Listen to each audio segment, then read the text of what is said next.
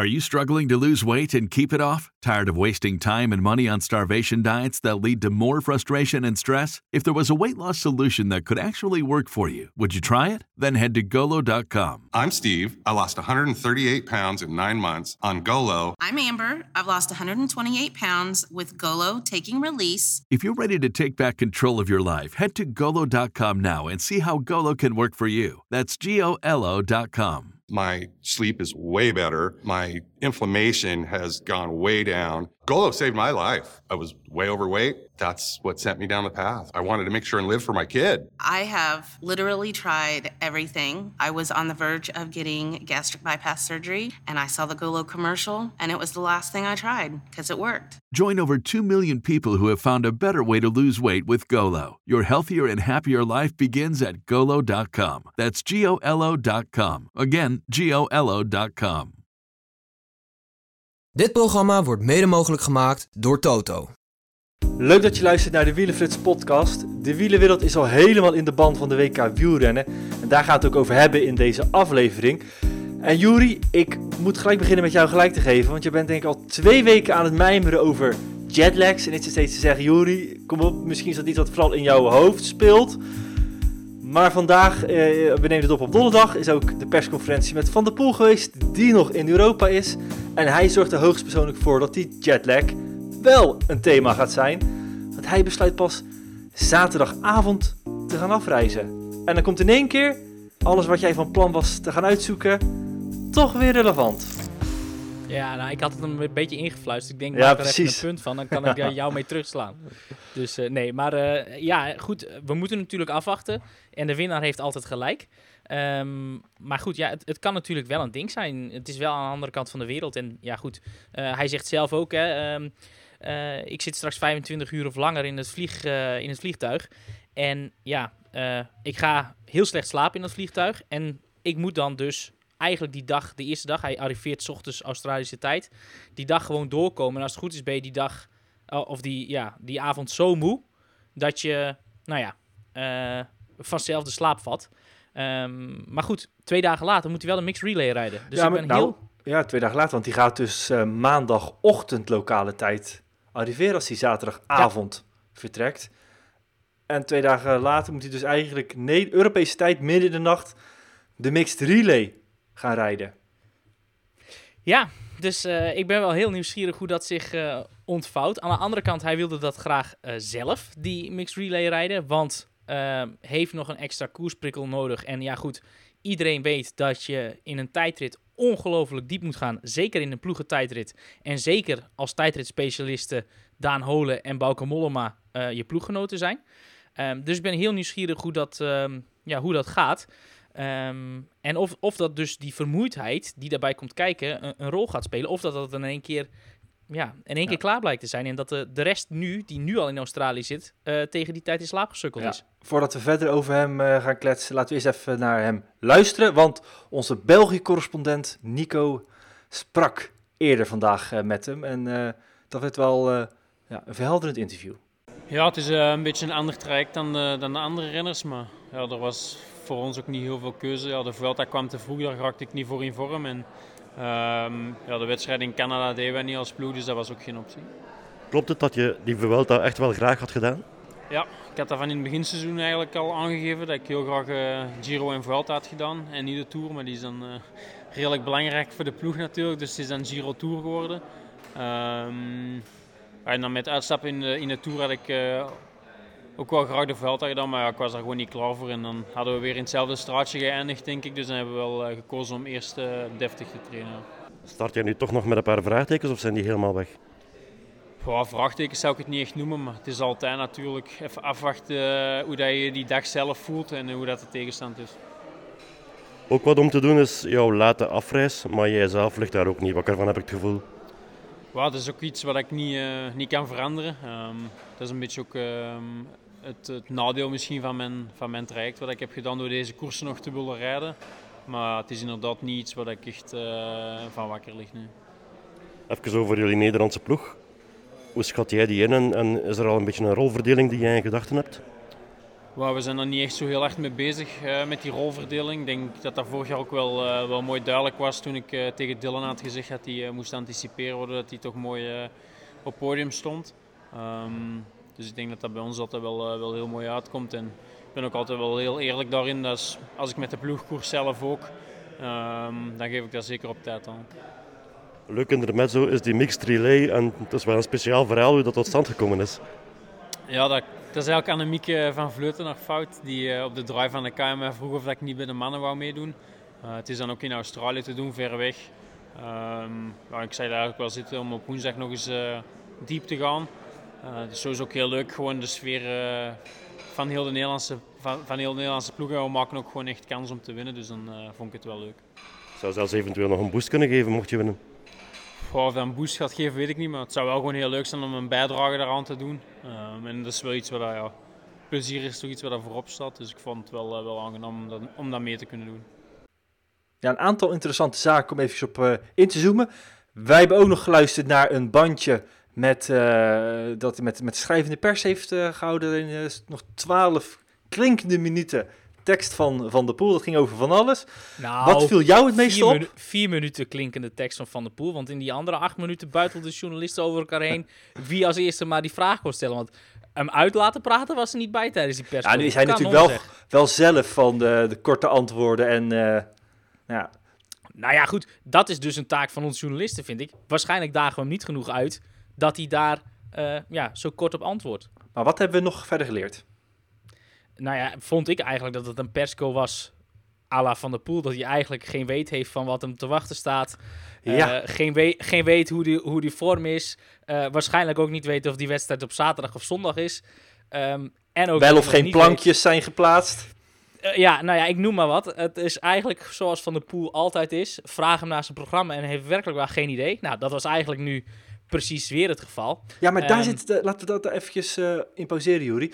Want wat ik, wat ik er wel opvallend aan vind, en goed, ik wil het nog best geloven dat het ook echt zo is. Er werd hem ook gevraagd van, oké, hoe gaat jouw programma na het WK eruit zien? En hij zegt, ja, ik weet het niet. Cross is geval niet aan de orde, maar ik weet verder niet wat ik, wat ik ga doen. En uh, eigenlijk zei hij ook een beetje of hij nog wat gaat doen. En dat vind ik wel opvallend. Als je zo specifiek toewerkt naar deze wedstrijd toe, hij gaat er toch in zijn beste vorm proberen te staan. Dan zou je zeggen, dan ga je toch niet met nog een mooi programma ook na het WK, het is niet dat het seizoen ophoudt, toch niet niks meer doen? Nee, maar aan de andere kant, voor hetzelfde geld uh, is het echt weer zo'n race tegen de klok geweest. Hij vertelde ook dat hij pas anderhalve week terug de beslissing gemaakt heeft. Oké, ik denk dat ik iets kan doen in Australië. Um, ik krijg echt het idee dat het weer zo'n, nou ja, uh, zo'n rush naar dat WK toe is. En dat het best kan zijn dat hij straks daar uh, op zijn allerbest is, zoals we dit voorjaar ook gezien hebben. Dat was toen ook echt een race tegen de klok. Dat hij derde werd in Sanremo en ook uh, twee weken later de Ronde van Vlaanderen. Kan best zo zijn dat het nu ook zo is. En we hebben daarna gezien dat daar best wel uh, een stuk decompensatie zat. En ja, als je dat nu ook hebt, wat voor zin heeft het dan om bijvoorbeeld de Ronde van Lombardije te rijden, die eigenlijk net iets te zwaar is ja. voor zijn capaciteiten. Maar nu is hij altijd natuurlijk een beetje onverschillig in zijn antwoorden. En ik heb wel nu de indruk, en ik ben benieuwd of jij diezelfde indruk had, dat het nu wel extra wat, wat het extra's op staat. Dat hij echt denkt van ja, ik weet niet helemaal of het, het wat gaat, gaat worden.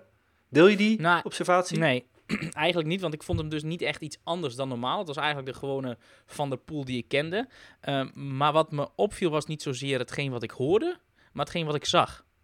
En uh, op de beelden die wij doorgestuurd hebben gekregen van het, van het interview wat we net hoorden met, uh, met Nico, vond ik vooral, wat me heel erg opviel, dat hij enorm, enorm scherp stond. Uh, nou, is het dus anders geweest? Ja, dat vind ik wel. Hij heeft wel eens, uh, nou ja, zwaarder gestaan vind ik altijd een zwaar woord als ik uh, mijn eigen uh, figuur bekijk en dan over professionele wielrenners praat. maar hij heeft wel eens zwaarder tussen aanhalingstekens gestaan voor mijn gevoel.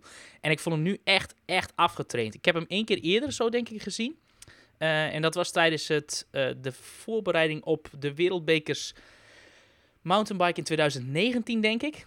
En uh, destijds weet ik nog dat ik hem daarover aansprak van, joh, het valt me op dat je vrij uh, mager staat. En toen zei hij, nou ja, dat klopt, uh, bijzonder dat je het ziet. want ik ben inderdaad wat magerder geworden. Dat was toen met het oog op de Olympische Spelen, toen nog een jaar later, want toen was corona, bestond nog helemaal niet. En ik had het gevoel dat hij nu weer ja, dermate scherp stond, alsof hij ja, verwacht dat daar meer, um, nou ja, dat, toch het klimmende gedeelte belangrijker is. Want ja, ehm, ik vond hem wel heel sterk. Ook een beetje ingevallen ogen met best wel wat wallen. Ik kon duidelijk zien dat hij heel hard getraind heeft. Nou, dan ben ik heel benieuwd hoe die straks uit de vliegtuig gaat stappen als hij nu al eh, wel leeft, Jury. Ja, nee, ja, ik ook. Eh, dus eh, wat dat betreft eh, moeten we nog even afwachten. Maar eh, ja, ik zeg altijd, een tijdrit liegt nooit. En dat geldt ook voor een ploegentijdrit. Dus ik denk dat we woensdag ehm, ja, veel antwoorden op onze, onze vragen pas, eh, pas hebben. Ehm, Ja, maar daar hebben, we wel, daar wel antwoord op gekregen van hoe hij daarbij is gekomen. Dat zei hij wel grappig. Dat is bij de draai van de Kai. eh Annemiek van Vleuten vroeg van, joh, kan jij niet meedoen bij de man? En toen dacht hij, ja, laat ik het doen. Maar of hij daar nu nog zoveel, eh of hij daar nu spijt van heeft, dat vraag ik me wel af. Nou, ik weet niet. Ik, denk dus inderdaad dat het wel, hè, want in een, eh, nou, het is 28, ruim 28 kilometer die mixed relay. Daarin moet je wel echt, nou, een dik half uur, je compleet naar de eh, Filistijnen rijden. En ja, als er iets goed is om je voor nog verder op te krikken, is, is het dat. Zo'n korte, hele korte cross-inspanning eigenlijk. Want dat is het. Ehm, dus ja, wat dat betreft denk ik dat hij er eh, alles behalve spijt van heeft. En dat het hem juist wel heel goed kan helpen. Want ehm, ik vond het in eerste instantie namelijk niet heel indrukwekkend hoe hij eh, de Grand Prix de Wallonie wist te winnen. Voelde hij daar zich ook slecht, zei hij achteraf zelf. En vooral na die finish Ehm, dat hij meteen op zijn stuur viel. Ja, een beetje. Nou ja, ik, eh, we hebben dat natuurlijk na de Amsterdam Gold Race gezien. Maar na een Koppenberg Cross die hij ooit won, hebben we hem ook als nou ja, een kaartenhuis in elkaar zien vallen. Drie meter naar de streep. Zo diep moest hij gaan. En ik had nu ook het idee dat hij echt Mhm. eh, ja, heel diep moest gaan. Aan de andere kant, ik heb die beelden nog eens teruggezien. Als je ziet hoe enorm eh, veel meters hij maakt na die bocht in zijn eerste versnelling. eh, Hè, die pure explosiviteit. Daar rijdt hij Girmay op de meters die hij aan een meter kort komt. Dus daarin kon ik toch, achteraf, moet ik een beetje terugkomen op mijn woorden. Ik vond het niet heel indrukwekkend, maar daar zeg ik, oké, hij is in orde. Ehm, met wat ik ook vandaag beelden van hem dichtbij heb gezien, nou, begin ik er toch wel, eh, toch wel meer in te geloven dat er iets kan. Nou ja, ik dacht, ik. Ik zat gisteravond eventjes, eh, ik denk ik ga je Twitter erbij pakken, kijken wat voor juichtweet je hebt gemaakt naar, naar Wallonie. Maar dat was, dat was redelijk ingetogen, Jury. Ja, nou ja, dat was vooral, eh, ik moest vooral lachen om het design van zijn schoenen. Eh, hij had, Wat- wat had, nou, hij had een- dus een witte hak en witte sokken, waardoor het dus eigenlijk leek dat hij op sloffen dan wel slippers eh, rondstapte daar kort na de finish.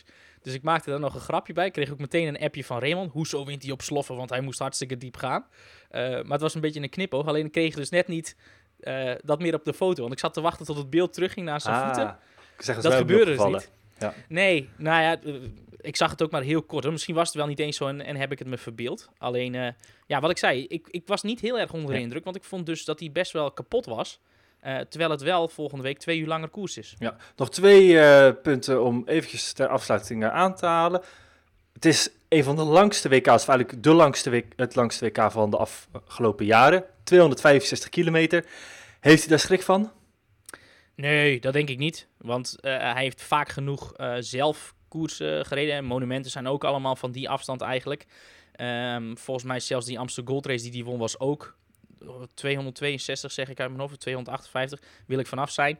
Ehm, en ja goed, hij heeft afgelopen zondag nog eh, 264 kilometer getraind, eh, zag ik op zijn Strava. Dus ik, nee, ik denk Nee. niet dat hij daar heel erg eh, bang voor hoeft te zijn. Hij zegt ook in een van die bandjes, eh, en ook dat hij vaak na kortere koersen nog eh, vaak achter de, de scooter dit soort afstanden bij traint. Dus hij is daar zo geen schrik van. En wie noemt hij als, wie ziet hij als de grote favoriete? Ja, nou ja, eigenlijk een Was je ook niet de duidelijk over, hè? Usual suspects. Maar hij was inderdaad ook, ja, ja goed, Van Aert zal er wel bij zijn. Pogacar zal er wel bij zijn. Kan Eh, even de poel het? Ja.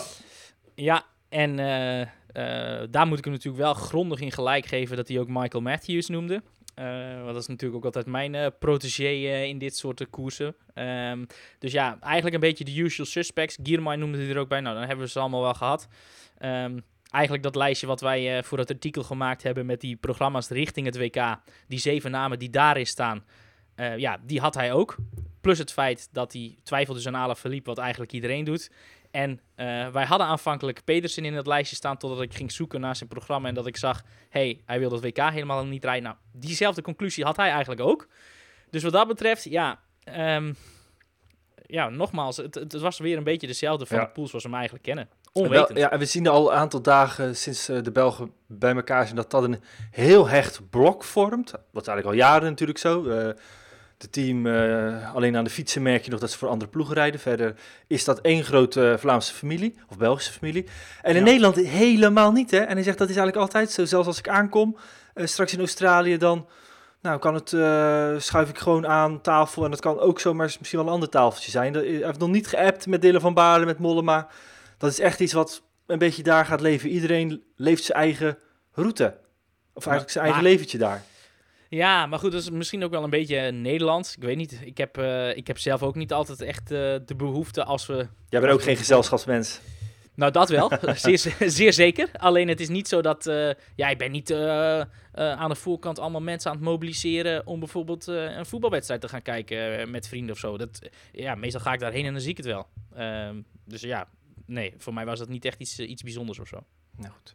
Eh, laten we even kijken naar... en, en eh, misschien is het in het Belgische kamp eh, ook wel nodig hè, om, om wat vriendelijkheid te scheppen. Want nou goed, daar is op het WK natuurlijk alles ehm, een verleden geweest tussen de twee kopmannen, Wout van Aert en Remco Evenepoel. Dus wellicht is het wel heel hard nodig. Ja, en het kan natuurlijk goed zijn dat we wel eh, behoudens van de pool eh, de rest van Nederland wel wat meer samenkliekt. eh, op basis van de andere social media berichten van, van de renners die al daar zijn, eh klit dat wat meer eh, samen.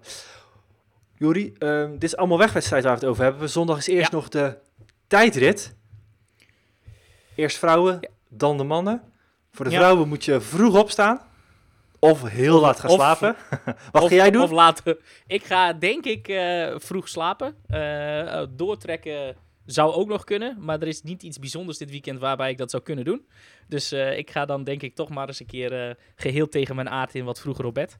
En dan eh, wat vroeger opstaan. Al al zal dat misschien een probleempje worden. Maar ja goed, ze finishen al om half vijf ochtends. En als mijn eh, jongste dochter dan niet rond die tijd eh, eh, komt, dan vrees ik dat ik nog op twee oren lig. Ja, nou voor mij hetzelfde hoor. De mannen wordt wat makkelijker, want die finishen al om eh 9 uur. Het parcours, ook hierbij geldt weer dat het langer is dan de afgelopen jaren. Ehm, twee rondjes rijden ze, in totaal 34 kilometer. En Ja. nog grote obstakels. Ehm, niet per se. Eh, ze rijden een stukje van eh, Mount Osley. Ehm, dat is eigenlijk een klim van ruim 4 kilometer lang. En eh, daar rijden ze eigenlijk het eerste stukje van omhoog op ehm, eh, Dumfries Avenue, zoals dat heet. En eigenlijk slaan ze daarna rechtsaf. En waarbij ze op het rondje van de wegwedstrijd vervolgens linksaf slaan naar Mount Pleasant. Ehm, sta, slaan ze nu een stuk plezieriger rechtsaf eh, richting eh, Ferry Meadow, heet dat volgens mij. Ehm, maar het punt is dus dat, ja, dat, dat klimmetje, Mount Osley of, of Dumfries Avenue, het is maar net welke naam je erop plakt, maar dat is eigenlijk het enige lastige punt als in eh, dat het echt wat langer omhoog gaat. Ehm, daar ligt ook het tussen, eh, ja, tussenmeetmoment bovenop op dat klimmetje. En verder is het eigenlijk vooral heel veel op en af en heel veel bochten. Ehm, want ja, er zitten per rondje 19 of 20 in. Nou ja, op 14 kilometer. Dat of maakt volgens 14 jouw kilometer. theorie een technisch parcours. Inderdaad, eh, dat is dus mm, eh, vrij veel. En dan heb ik het alleen over de haakse bochten. Er zitten nog wel meer eh, rollende bochten in, om het zo maar te zeggen. Waardoor, waar je waarschijnlijk ehm, ja, wat makkelijker doorheen, eh, eh, eh, ja, op tempo doorheen rolt. Ehm, alleen ja, die andere bochten, dat zijn gewoon haakse bochten. En natuurlijk, het is in een stad, dus die bochten zullen ruim zijn. Maar je kunt die waarschijnlijk niet op volle snelheid nemen. En dus zijn ja, de jongens met wat meer explosiviteit in het voordeel op dit rondje dan de mannen die ja, de lange halen en, de echte powerhouses, de krachtpatsen, zeg maar. Dus ik ben wel benieuwd wat dat gaat geven. Eén Nederlander in de sterren bij ons.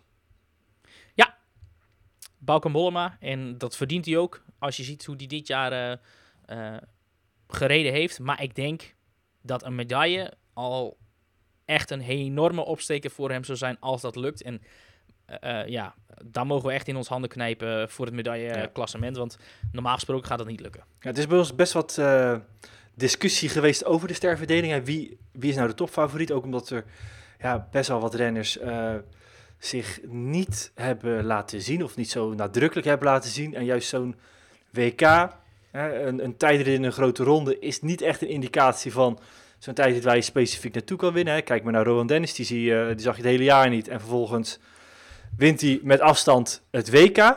Dus dat in acht nemen, dat was het best ingewikkeld.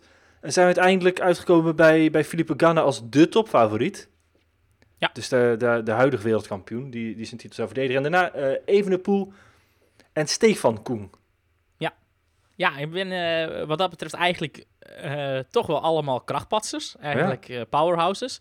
Die normaal gesproken op dit parcours iets minder tot hun recht zouden moeten kunnen komen. Ehm, alleen het feit wil dat ze eigenlijk het, nou ja, het zeg maar, als je hem opdeelt in drie stukken, heb je het eerste stuk is echt behoorlijk technisch met dat klimmetje ook. En vervolgens komen ze daar dus bij eh Ferry Meadow. En dan is het daarna eigenlijk behoudens, nou ja, drie of vier haakse bochten rechtuit tot aan 500 meter van de streep. Dan krijg je weer iets wat, eh, dat het iets wat technischer is. En vooral op dat stuk, hè, daar spreken we echt door een paar kilometer. Ja, daar wordt waarschijnlijk toch het verschil gemaakt, eh, denk ik. En dan zijn toch, wat dat betreft, eh, die mannen in het voordeel ten opzichte van ja, de mannen die wat, wat explosiever zijn. Al moet ik heel eerlijk zeggen, als Wout van Aert hier gestart was, was dat voor mij de absolute topfavoriet geweest met ja, de bochtentechniek en, en de explosiviteit die hij heeft vanuit de cross. Dus ja, wat mij betreft laat hij hier een min of meer zekere gouden medaille liggen. Nou ja, dat is natuurlijk wel een bewuste keuze van hem geweest om, om te focussen. Eigenlijk omdat hij, dat heeft hij ook gezegd, hè, eh, toch de decompressie groot was, of eigenlijk de teleurstelling groot was vorig jaar. Dat hij zegt van ja, ik wil niet met zo'n gevoel daarna nog een wegwedstrijd ingaan. Eigenlijk een race die mij nog meer eh, aan het hart gaat. Als je even kijkt naar het programma van, van Ghana, die heeft dan eh, ja, komende week eh, bijna een maand niet gekoerst. De laatste wedstrijd was, was de Duitsland Tour. Won daar de proloog. Ja. Maar dat was wel maar 2,6 kilometer. Dus dat is in de verste verte geen indicatie. En dat is dus Nee. iemand die echt specifiek naar de, hier heeft kunnen trainen. Zou daarmee, als hij wint, voor derde jaar op rij wereldkampioen worden tegen de klok. Stefan Koen heeft nog wat twee Franse eendagskoersen gereden. Tour de Doubs 1.1 koers, eh, wel nog zevende. Maar ook lang geleden wat hij in tijdrit heeft eh, gereden. Dat was in de Tour Poitou en Charente. Dat kwam er niet helemaal lekker uit. Cha- Nee, de. Tour Poitou Charente. Dat, En daar werd hij ook wel eerst in de tijdrit. Ja, ja. Maar ook dat is geen, geen indicatie. Maar het zijn wel dus mannen die echt specifiek naar, naar dit WK eh, toewerken. Ja, en van, van Evenepoel is gewoon een groot vraagteken. Ja, nou ja, dat is inderdaad sowieso. Hè. Eh, Ik heb hem voor de Giro of voor de Vuelta nog uitgebreid gesproken. En toen zei hij echt van ja, goed, ik heb echt gepiekt naar die derde week eh Vuelta. Ehm, met dus ja, als resultaat die eindwinst in de ronde van Spanje. En met die jetlag en die lange reis aan de andere kant van de wereld in geheel andere omstandigheden. Moet ik zien of, of het hem lukt om die topvorm nog ehm, twee weken door te trekken. Ehm, zelfs drie naar, ehm, of eh, zelfs twee naar de, de wegwedstrijd toe. Maar goed, laten we eens focussen op die tijdrit. Lijkt me dat gewoon echt heel lastig. En ja, eh, het is ook niet zo dat het parcours, het gaat wel constant op en af, maar het zijn geen lange beklimmingen. Dus het is ook niet zo dat hij daar een, een voordeel uit kan halen. Dus ik ben, ja, ben wel heel eh, nieuwsgierig hoe hij dat gaat doen. Maar ik vrees dat het voor Evenepoel lastig wordt. Al zou het ook niet de, ene, of de eerste en enige keer zijn dat hij mij eh, verrast of verbaast. Dus wat dat betreft eh, geef ik hem toch het voordeel van de twijfel. Ja, bij de vrouwen is het weer een... ehm, weer al een Nederlands die eh, bovenaan in ieder geval ons favoriete lijstje staat. Ehm, als je Ja. kijkt naar de laatste jaren, dan is het toch van de laatste tien jaar, denk ik de helft daarvan ongeveer Nederlands gekleurd. Ja, vijf van de laatste tien zijn, eh, zijn Nederlands. Eh, ook van de laatste drie jaar. Anna van der Breggen 2020 en 2021 Elle van Dijk. En dat zou dan eh, ja, onze topfavoriete Annemiek van Vleuten. En ik denk dat we daar moeilijk omheen kunnen. Nou ja, voor mij is die alles behalve de topfavoriet eigenlijk. Eh, want die is veel meer bezig met die wegwedstrijd. En dus wil ik dat nog wel eens zien voor die tijdrit. Ehm, ik denk persoonlijk zelf vanwege dus... Hè, de, de profs rijden een iets ander rondje dan eh, de belofte. Daar komt een iets... eh, ja, twee of drie recht toe, recht aan stukken bij in eh, North Wollongong. En dat spreekt echt in het voordeel, zoals ik zo straks ook zo zei, voor die powerhouses.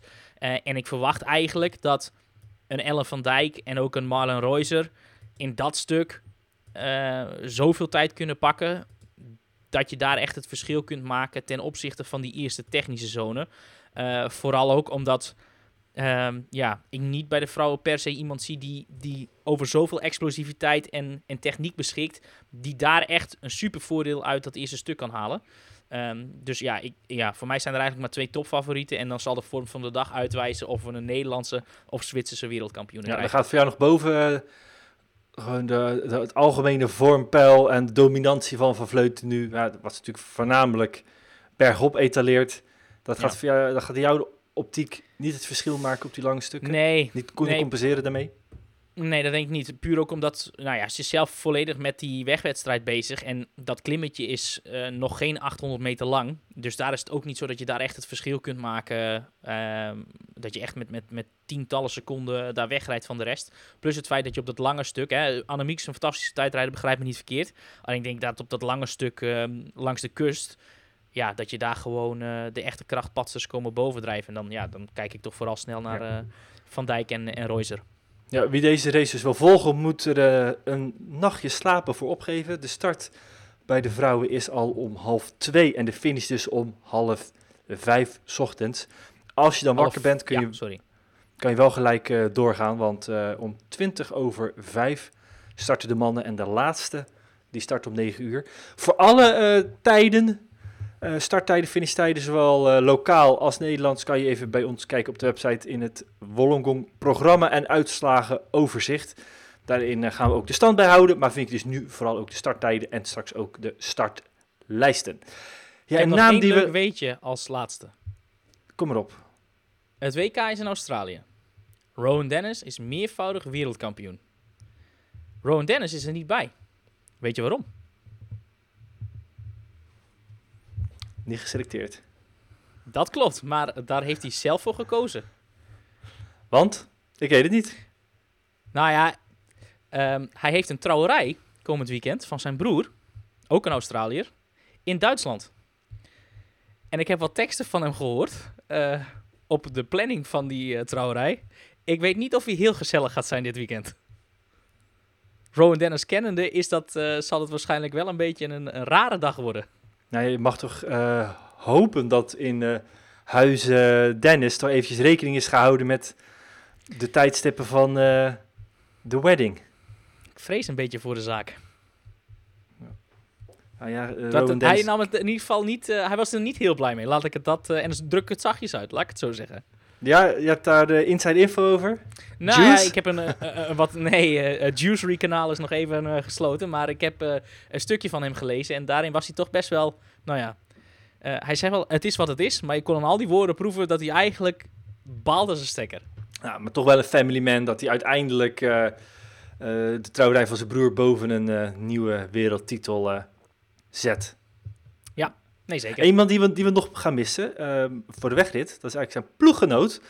En eh, de toerwinnaar, die heeft nog steeds geen wedstrijd eh, gereden. Eh, dat begon eigenlijk deze week weer een beetje op te ratelen.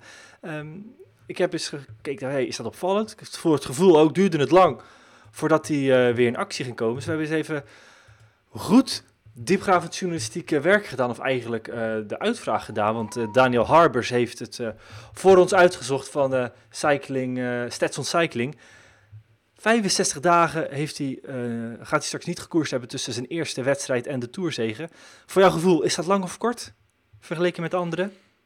Mm, weet ik niet. Voor de record, voor de mensen die nog steeds denken, waar hebben we het over? We hebben het over Jonas Vingegaard. Maar goed, als je toerwinnaar, eh dan moet je wel heel erg zitten. dat hebben is toch het synoniem, je- Jury, ja. ja, ja, ja, zeker. Nee, ja, lang of niet? Nee, ik denk het niet. Want ik meen me te herinneren dat bijvoorbeeld, al is hij officieel geen toerwinnaar meer, eh, maar dat Lance Armstrong en volgens mij ook een keer Froome helemaal geen koers meer heeft gereden na de Tour. Bij Armstrong gebeurde dat vaker. Ja, dat was het, eh, de Tourzege was gelijk eh, einde seizoen. En het begon eigenlijk al maar, maar heel erg kort. Hè. Soms wel, ja, vaak in Frankrijk, Circuit de la Sarthe, dan Dauphiné en Parijs-Nice ook nog wel, of Zwitserland, Tour en back to Austin, Texas. Maar Vingegaard 65 dagen niet. Als we even kijken naar het lijstje. Eh Pogacar, eh, Bernal en Wiggins. Zes dagen zat daartussen.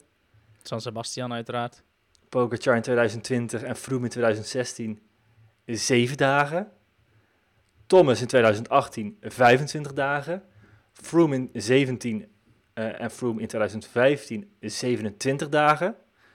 Bij de eerste zege van Froome in 2013 29 dagen. En Nibali 2014 51 dagen. Dus van de laatste tien jaar is, is het bij Vingegaard wel uh, by far het langst. Nou, Juri, wij hebben goed journalistiek werk verricht, al zeggen we het zelf. Want we hebben eens even gevraagd, wat is hier aan de hand? En wat is er aan de hand? Uh, nou ja, goed, heel veel decompressie na de Tour. En uh, eigenlijk eerst gezorgd dat de conditie weer een beetje afgebot is om hem vervolgens op te bouwen.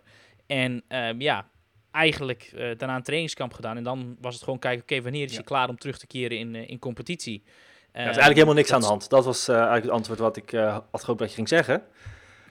nou, dat. Want het was helemaal gepland. Is de lezing ja. van de ploeg?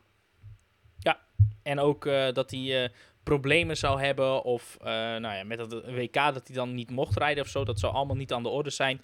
Uh, het zou alleen maar planningsgewijs al nou, in januari vastgelegen hebben dat, uh, dat dit het scenario was. En dat er alleen gekeken werd, oké, is hij klaar voor de Italiaanse koersen? Dus Emilia en Trevalli, eigenlijk de voorbereidingskoersen op Lombardije. Wat dan nog het sluitstuk zou moeten worden. Nou, dat komt net te vroeg. Maar wat wel op tijd komt is de Crow Race. En daar zal hij inderdaad zijn uh, maken en zijn eerste wedstrijd sinds de Tour de France rijden. Ja, met als hoofddoel dus dit najaar niet het WK, maar dus uh, Lombardije. Niks aan de hand bij uh, is het goed samengevat. Nou, ik ben heel benieuwd hoe die, hoe die gaat terugkeren in het peloton straks. Natuurlijk ook nieuwe status, nieuwe... En vooral een lange periode zonder koersen. Maar vaak is dan bij ons een beetje de gedachte van... oeh, dat zal wel een, tij, een, tijdje kosten voordat die koersritme heeft en dat soort dingen. Maar we zien eigenlijk toch met name de laatste jaren dat de renners tegenwoordig heel goed zich kunnen voorbereiden op training. En ja, zonder al te veel koersen er meteen kunnen staan. Dus het zou mij niet verbazen als Jumbo-Visma dit ja, zo heeft uitgekiend. En dat hij dat in de Crow Race zal staan en, en, en zeker ook in Lombardije. Um, dat was vandaag ook deze week een hele hoop te doen met promotiedegradatie. We besteden al het hele aandacht aan. Um, jij, iedere dinsdag tik jij de blaar op je vingers met, voor een nieuwe update. En het is waarschijnlijk allemaal voor niets. Nou ja, goed, um, om alvast een beetje vooruit te lopen op wat er gaat gebeuren. Uh, Sylvan Adams van Israel Premier Tech, die uh, heeft gedreigd met een rechtszaak tegen de UCI. Bij deze ga ik de UCI ook alvast waarschuwen dat als ze hem afschaffen, uh, mijn vrouw hoogstpersoonlijk ook een rechtszaak gaat aanspannen tegen de UCI. Want afgelopen half jaar uh, was dinsdag eigenlijk mijn zondag en dus onze zondag. En iedere dinsdag ben ik er s ochtends vroeg uitgegaan op onze vrije dag om maar te zorgen dat iedereen zo min mogelijk last had van uh, ja, het vaste terugkerende itempje op dinsdag. Nou ja, goed, je weet hoe dat gaat. Dat loopt altijd meer uit dan dat je hoopt. En iedere dinsdag zaten we te laat aan het zondagsontbijt, om het zo maar te zeggen. Um, maar goed, mijn vrouw is gelukkig een topper en um, die heeft het altijd geaccepteerd. Maar als nu blijkt dat dat allemaal voor niks is geweest, dan rukt ze eerst mijn kop eraf en dan die van Lapartien. ja, ik ga toch even een voorschotje nemen en uh, ik, uh, gewoon even de credits namens het heel wielerland uh, Nederland toch jou eventjes danken voor deze voor deze inspanningen iedere dinsdag weer. Um, sowieso heeft het ook iedere week wel weer tongen losgemaakt. En laten we zeggen ook, waar hadden we het anders over moeten hebben in, in onze podcasten dan over deze promotiedegradatie. Maar het is, ja. het, is, het is wel weer een...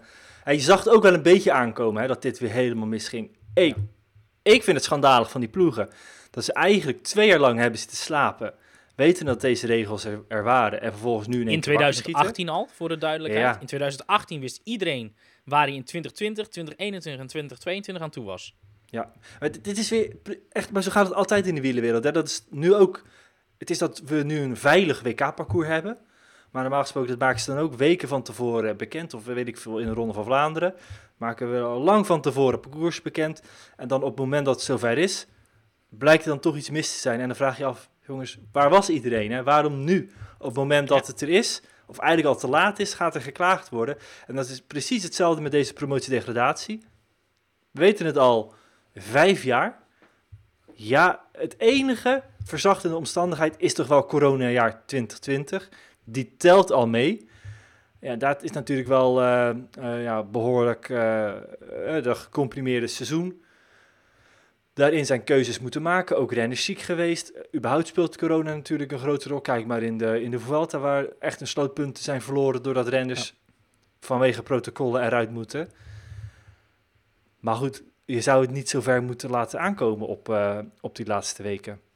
Nee, plus het feit dat ik ook vind dat iedereen heeft last van die pandemie gehad. Natuurlijk zal de een net iets meer renners kwijtgeraakt zijn of net die belangrijke renner eh, verloren zijn. Maar goed, dat had ook met een valpartij kunnen gebeuren. Dus ik vind het een beetje flauwkul.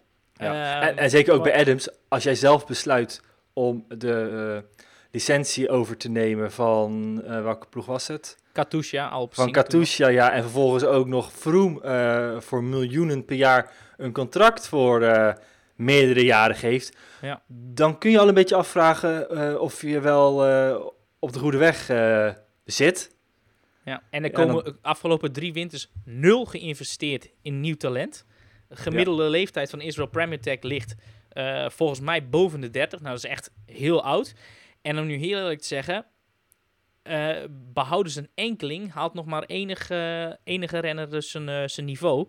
Dus ja, ik vind het toch wel schrijnend dat het nu op deze manier moet. Want eh, dat Cycling News in één keer vorige week, of voor het weekend eigenlijk, dat bericht naar buiten bracht van ja, ehm, de UCI denkt na over een World Tour in 2023 van 20 ploegen in plaats van de reeds afgesproken 18. Ja, dat was natuurlijk een 1-2'tje eh, met, eh met Sylvan Adams. Daar, daar ben ik eigenlijk van overtuigd dat dat tussen de regels door op die manier gebeurd is. Nou, UCI heeft een statement nog Al goed, diezelfde dat is avond. wel eventjes een...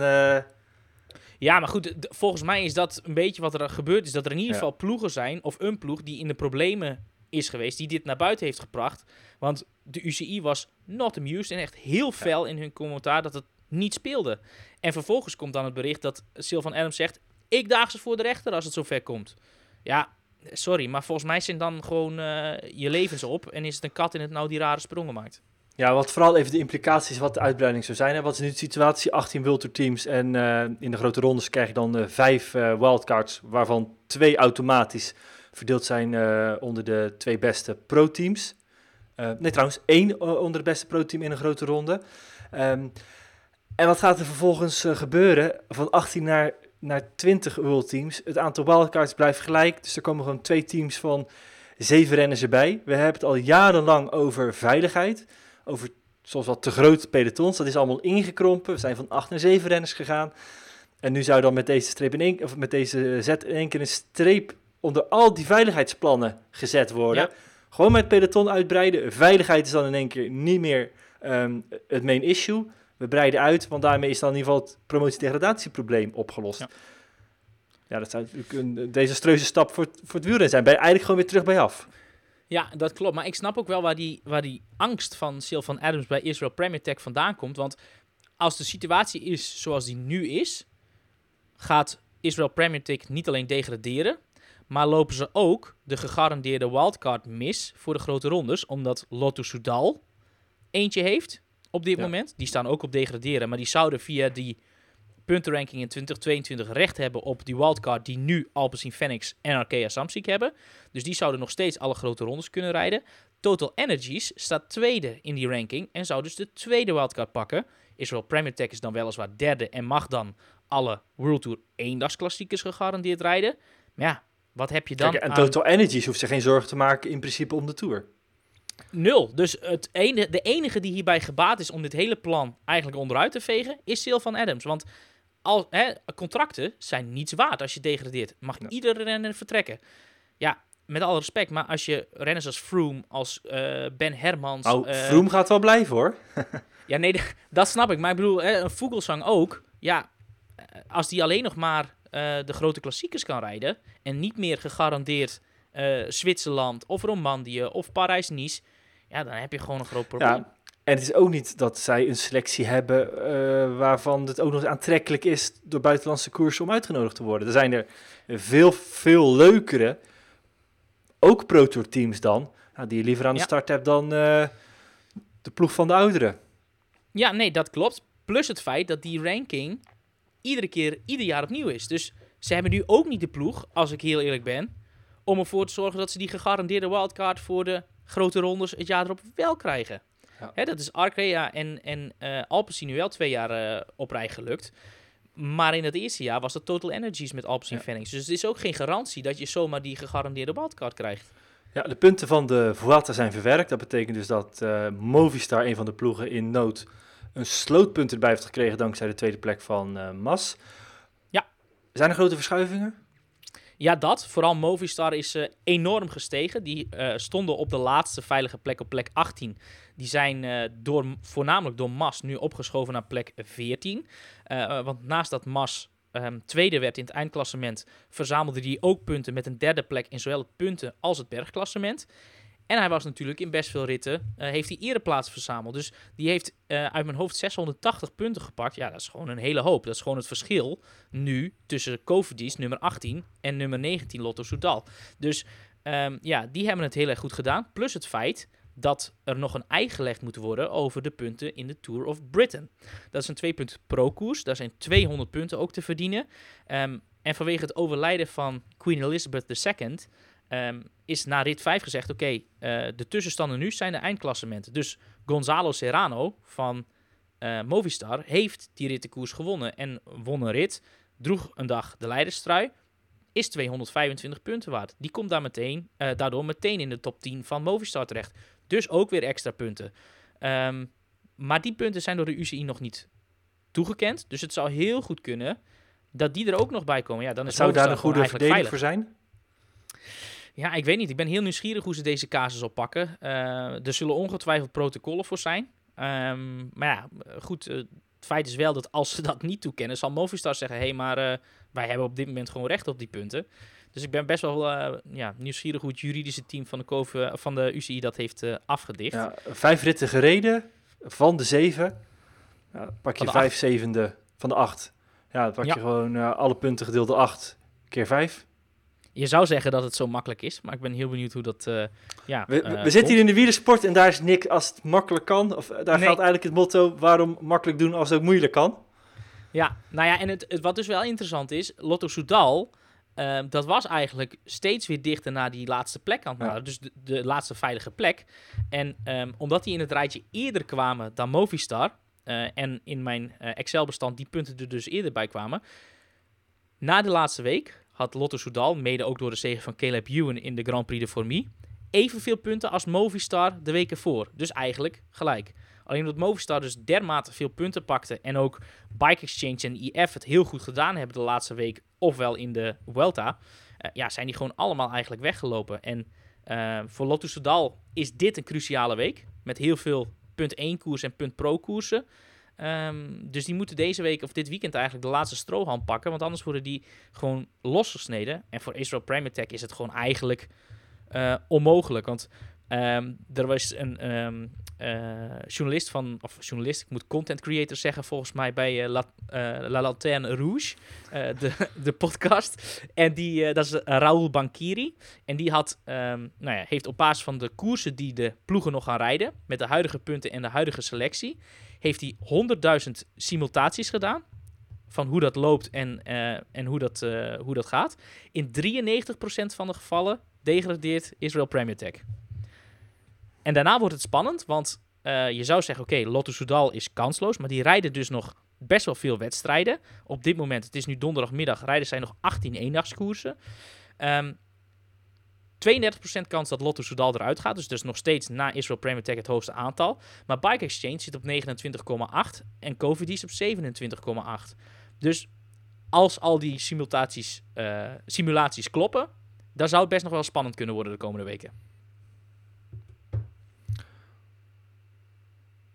Ik vraag me wel af eh, hoeveel eh, ploegen al even hun reisbureau hebben gecheckt of ze de tickets naar Langkawi kunnen annuleren.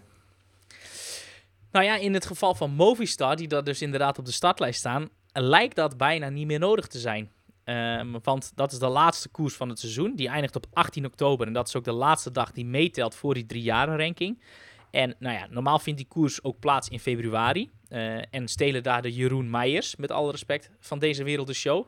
Eh, alleen nu staat het halve World Tour peloton daar aan de start. Omdat het de laatste 2.0 pro wedstrijd Eigenlijk is. alle degradanten hebben zich aangemeld. nou ja, eigenlijk wel. Ehm, alleen Israel Premier Tech staat nu nog niet op de eh, startlijst. Ehm, maar bijvoorbeeld wel eh Cofidis. Normaal rijden die koers nooit. Lotto Soudal, hetzelfde liedje. EF Education First is daar ook nooit te zien. En dus Movistar. Ehm, maar goed, die laatste ploeg zal dus waarschijnlijk eh, niet hoeven afreizen. Maar inderdaad, het wordt wel heel interessant om te zien wat dat misschien nog op de laatste dag zelfs brengt. Want zo heel groot zijn de verschillen nu ook weer niet. Als Lotto Soudal het dit weekend goed doet. Dan nog een eh, afscheid waar we toch eventjes bij stil moeten staan. Um, waaide wel al snel voorbij, maar een van de beste Nederlandse wielrenners van de afgelopen jaren heeft zijn uh, afscheid aangekondigd met, uh, met Nicky Terpstra. Eind van het jaar houdt hij het uh, voorgezien. Een afscheid wat er wel een beetje aan zat te komen. Maar toch wel even een moment voor het Nederlandse wielrennen. Toch een Ronde van Vlaanderen en Roubaix-winnaar. Eigenlijk een man die de hoop in de klassiekers een heel aantal jaar heeft hoog moeten houden voor Nederland. Ja, hij gaat stoppen. Ja, Nicky Terpstra. En dat is, uh, vind ik heel jammer, want uh, wij zijn allebei opgegroeid in een periode dat het wielrennen in Nederland, uh, dat we heel blij waren met een top 20 in een grote ronde of uh, een mooie ereplaats in een klassieker. Ik weet vooral dat ik ieder jaar hoopte dat Erik Dekker of Michael Bogert nu dan eindelijk een keer die grote zegen zou boeken. Nou, dat kwam maar niet. Toen kregen we een beetje met Geesink uh, aan het eind van de jaren, zeg maar 2009, 2010, dat je dacht van, hoe, uh, dit is wel een hele goede Nederlandse wielrenner. Um, en daarna kwamen ze een beetje als paddenstoelen uit de grond. En Terpstra was een beetje de, ja, die nam een andere weg, niet via Rabobank, via uh, ja, de weg van geleidelijking. Bij een laag Nederlands Conti-team begonnen, vervolgens naar Team Mielraam, een Duitse ploeg, en zo langzaamaan zichzelf naar boven gewerkt. En die won ineens iets wat in mijn leven dat ik wielrennen volgde, nog nooit wat is gebeurd. Die wint in één keer een monument. Dat ik echt dacht van, wow, wat ja. gebeurt hier? De eerste keer dat nu? ik bij Parijs-Roubaix was. Gelijk okay. uh, 2014. Voor het eerst op het middenterrein. Nou, dat was geen mooiere introductie uh, bij die koers uh, mogelijk. Met gelijk die, die overwinning van hem. Ja, en vooral wat mij bijstaat, is in die beginjaren ook nog dat hij, dat hij bij Milram reed. Dat hij zo vaak toch een beetje kritiek en het verwijt kreeg van waarom toch zo vaak die kansloze laten uitvallen. Hè? Hij was iemand die echt nog wel eens, laten we zeggen, in de laatste 15 kilometer dan toch ging proberen weg te komen. Eigenlijk weten dat het of een chasse patat was of gewoon van ja, dit is wachten in een sprint, maar je gaat straks uh, toch wel teruggepakt worden. Ik weet niet of je het laatste WK in Australië jezelf nog herinnert. Daar lag de streep ja. ook 500 meter te ver. Want anders was Nicky Terpstra toen wereldkampioen geweest. Ja, nou ja, en bedenk ook dat al die, laten we zeggen, domme uitvallen hem wel hebben gehard tot op het moment suprem dat het wel moest. Hè. En hij zat met Quickstep destijds natuurlijk in de perfecte ploeg met als bliksemafleider van, uh, van Bonen. Daardoor, mede daardoor kon hij dit soort uh, ja, koersen winnen. Heeft hij natuurlijk, uh, natuurlijk fantastisch gedaan. Maar uiteindelijk ook best wel wat tegenslag gehad. En dat is natuurlijk ook wat hem de laatste jaren heeft achtervolgd. Ik denk zeker die val, dat heeft hij ook gezegd um, op training. waarin hij over de, over de dijk bij de Gouwzee reed en daar, daar hard gevallen is, dat hem dat toch de genadeklap eigenlijk is geweest. Daardoor niet meer op zijn niveau is teruggekeerd. hij zegt zelf, ja, het killersinstinct is weg. Nou ja, op, op zijn leeftijd van 37 niet zo heel erg gek. Nee. Hij blijft wel fietsen. Ja. Wat denk je dat hij gaat doen? Ja, die gaat gewoon gravelen. Dat, uh, dat, dat mist niet. Hij heeft dit seizoen al een, uh, een wedstrijd uit de nieuwe UCI Gravel Series uh, gewonnen in Frankrijk. Daarmee heeft hij zich volgens mij ook geplaatst voor het WK. Nou, volgens mij werd afgelopen week bekend dat dat WK in Veneto gaat zijn. Um, dus daar zullen we hem ongetwijfeld aan het werk zien. Um, heeft ook afgelopen maand met uh, Laurens ten Dam, of vorige maand alweer, ik weet niet precies, uh, de Leadville 100 gereden. Dat is een uh, mountainbike wedstrijd in de Verenigde Staten. Um, en ja, uh, ik zie hem bijvoorbeeld ook meedoen straks aan Unbound uh, ja. en dat soort. Uh, Ivar Slik zit in zijn trainingsgroepje, dus ja. de nieuwe begenadigde gravel racer die, die Unbound gewonnen heeft als eerste Nederlander. In het aankomende nummer staat een uitgebreid reportage met hem daarover. Dus ja, alles rondom eigenlijk, rondom Nicky Terpstra begint te gravelen. Ik ben heel, benieuwd op welk, op welk merk hij dat gaat doen. Of hij toch Specialized trouw blijft of dat hij overstapt naar, de, naar een ander fietsenmerk. Want het is, het is booming. Dus het is ook voor hem ja. Nou ja, commercieel denk ik ook hartstikke interessant. Omdat er vanuit de fietsbranche eigenlijk e-mountainbiken, of eigenlijk e-fietsen en gravelen de nieuwe, ja, de nieuwe hippe dingen zijn waar, de, waar de fietsmerken op inzetten. Ja, ja dus en eh, ik heb toevallig ook dit voorjaar ook al over gravel een eh, uitgebreid artikel gemaakt met uh, Piet Stettina. En die zei het toen wel mooi, zeg ja, het lijkt er een beetje op alsof het gravelen de, de grote retirement tour is. maar, maar vergis je daar niet in, zeg, want we, we rijden wel gewoon echt heel hard. En als World Tour profs komen meedoen, ja, die rijden wij gewoon naar huis.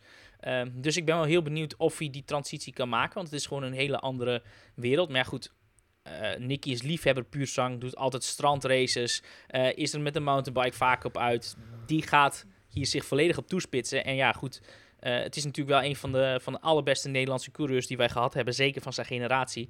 Dus ik vermoed dat hij ja, daar best wel het goed gaat doen. Ja, hij gaat ook te zien zijn bij en mee fietsen bij de Ride with Pros. Dat is 23 oktober. Dat is ook de toertocht die terugkomt, georganiseerd door de, door de VVBW. En wij zijn daar met, uh, met en Ride media partner van. Dus ook een mooie kans. Vind je het leuk om toertochten te rijden? Om daar mee te fietsen. Ja, misschien wel schouder aan schouder met, met, een, met een huidige prof. en misschien wel zelfs met, met Nicky Terpstra. Ik denk dat wij, wij niet op de fiets gaan zitten. Nee, dat vermoed ik ook niet. Want wij gaan daar andere dingen doen. Maar dat is wel iets om eventjes in de agenda te zetten. 23, zondag 23 oktober in Apeldoorn. En meer informatie vind je nu al bij ons op de website of op uh. Jori, dit weekend uh, dus het WK tijdrijden. Daarna ook alle, alle wegritten. Uh, ja, waar kijk jij het meest naar uit? Toch wel de wegrit, mannen? Nou ja, ik kijk het meest of, uit Of de, de belofte, ja. Exact, je, je maait het gras op mijn voeten weg. Nee, ik ben heel erg benieuwd naar, naar die wedstrijd. Vooral ook omdat uh, ja, Nederland er eigenlijk met een verkapte profploeg start. En ik ben heel nieuwsgierig hoe, uh, hoe Olaf Kooi dit uh, programma aan kan. Of dit parcours aan kan. met hem overigens nog een, nou ja, een, een achtergrondverhaal over hem de komende week op Wielenflits te lezen. Dat heb ik klaarstaan en dat kan mooi in de aanloop naar, naar het WK toe. Um, dus ja, ik, ik, kijk vooral uit naar die wedstrijd. Vooral ook omdat dat vaak slag om slinger gedemereerd wordt. En je dan eigenlijk pas precies weet waar de moeilijkheidsgraad van dit rondje zit. En ja, ook de vrouwen en, en elite mannen kijken vaak naar dat WK om ja, wijzer te worden voor hun eigen koers. Ja. Uh, wat vind je nou ook alweer? Wulterprofs, mogen die meedoen aan under 23? Ja, voor mij wel, want het is natuurlijk, je bent prof, maar je, qua leeftijd gewoon hoor je leeftijd, gewoon in die categorie ja. thuis. Dus ik vind dat je gewoon mag meedoen, zeker. Dan hadden Goed. ze het uh, een WK voor niet-profs moeten noemen, als, zoals ze het voorheen noemden, voor amateurs. En daar geen leeftijd aan moeten koppelen. Goed. Helder, Jury. Uh, dit was de Wielenflits podcast voor deze week. Dank voor het luisteren. En uh, wij zijn de volgende week weer. Dan een korte terugblik op het WK tijdrijden. Maar vooral de laatste ins en outs over het WK op de weg. En wie weet wat er deze week nog allemaal meer... Uh, het zal een gekke week worden met veel eendagskoersen op Belgische bodem, op Italiaanse bodem. Maar vooral ook benieuwd dan weten we hoe Mathieu van der Poel zijn jetlag heeft verteerd. En wij zelf, want wij vliegen natuurlijk vrijdag naar Wollongong. Piep, piep, piep, piep. En toen ging de wekker. Dit programma werd mede mogelijk gemaakt door Toto.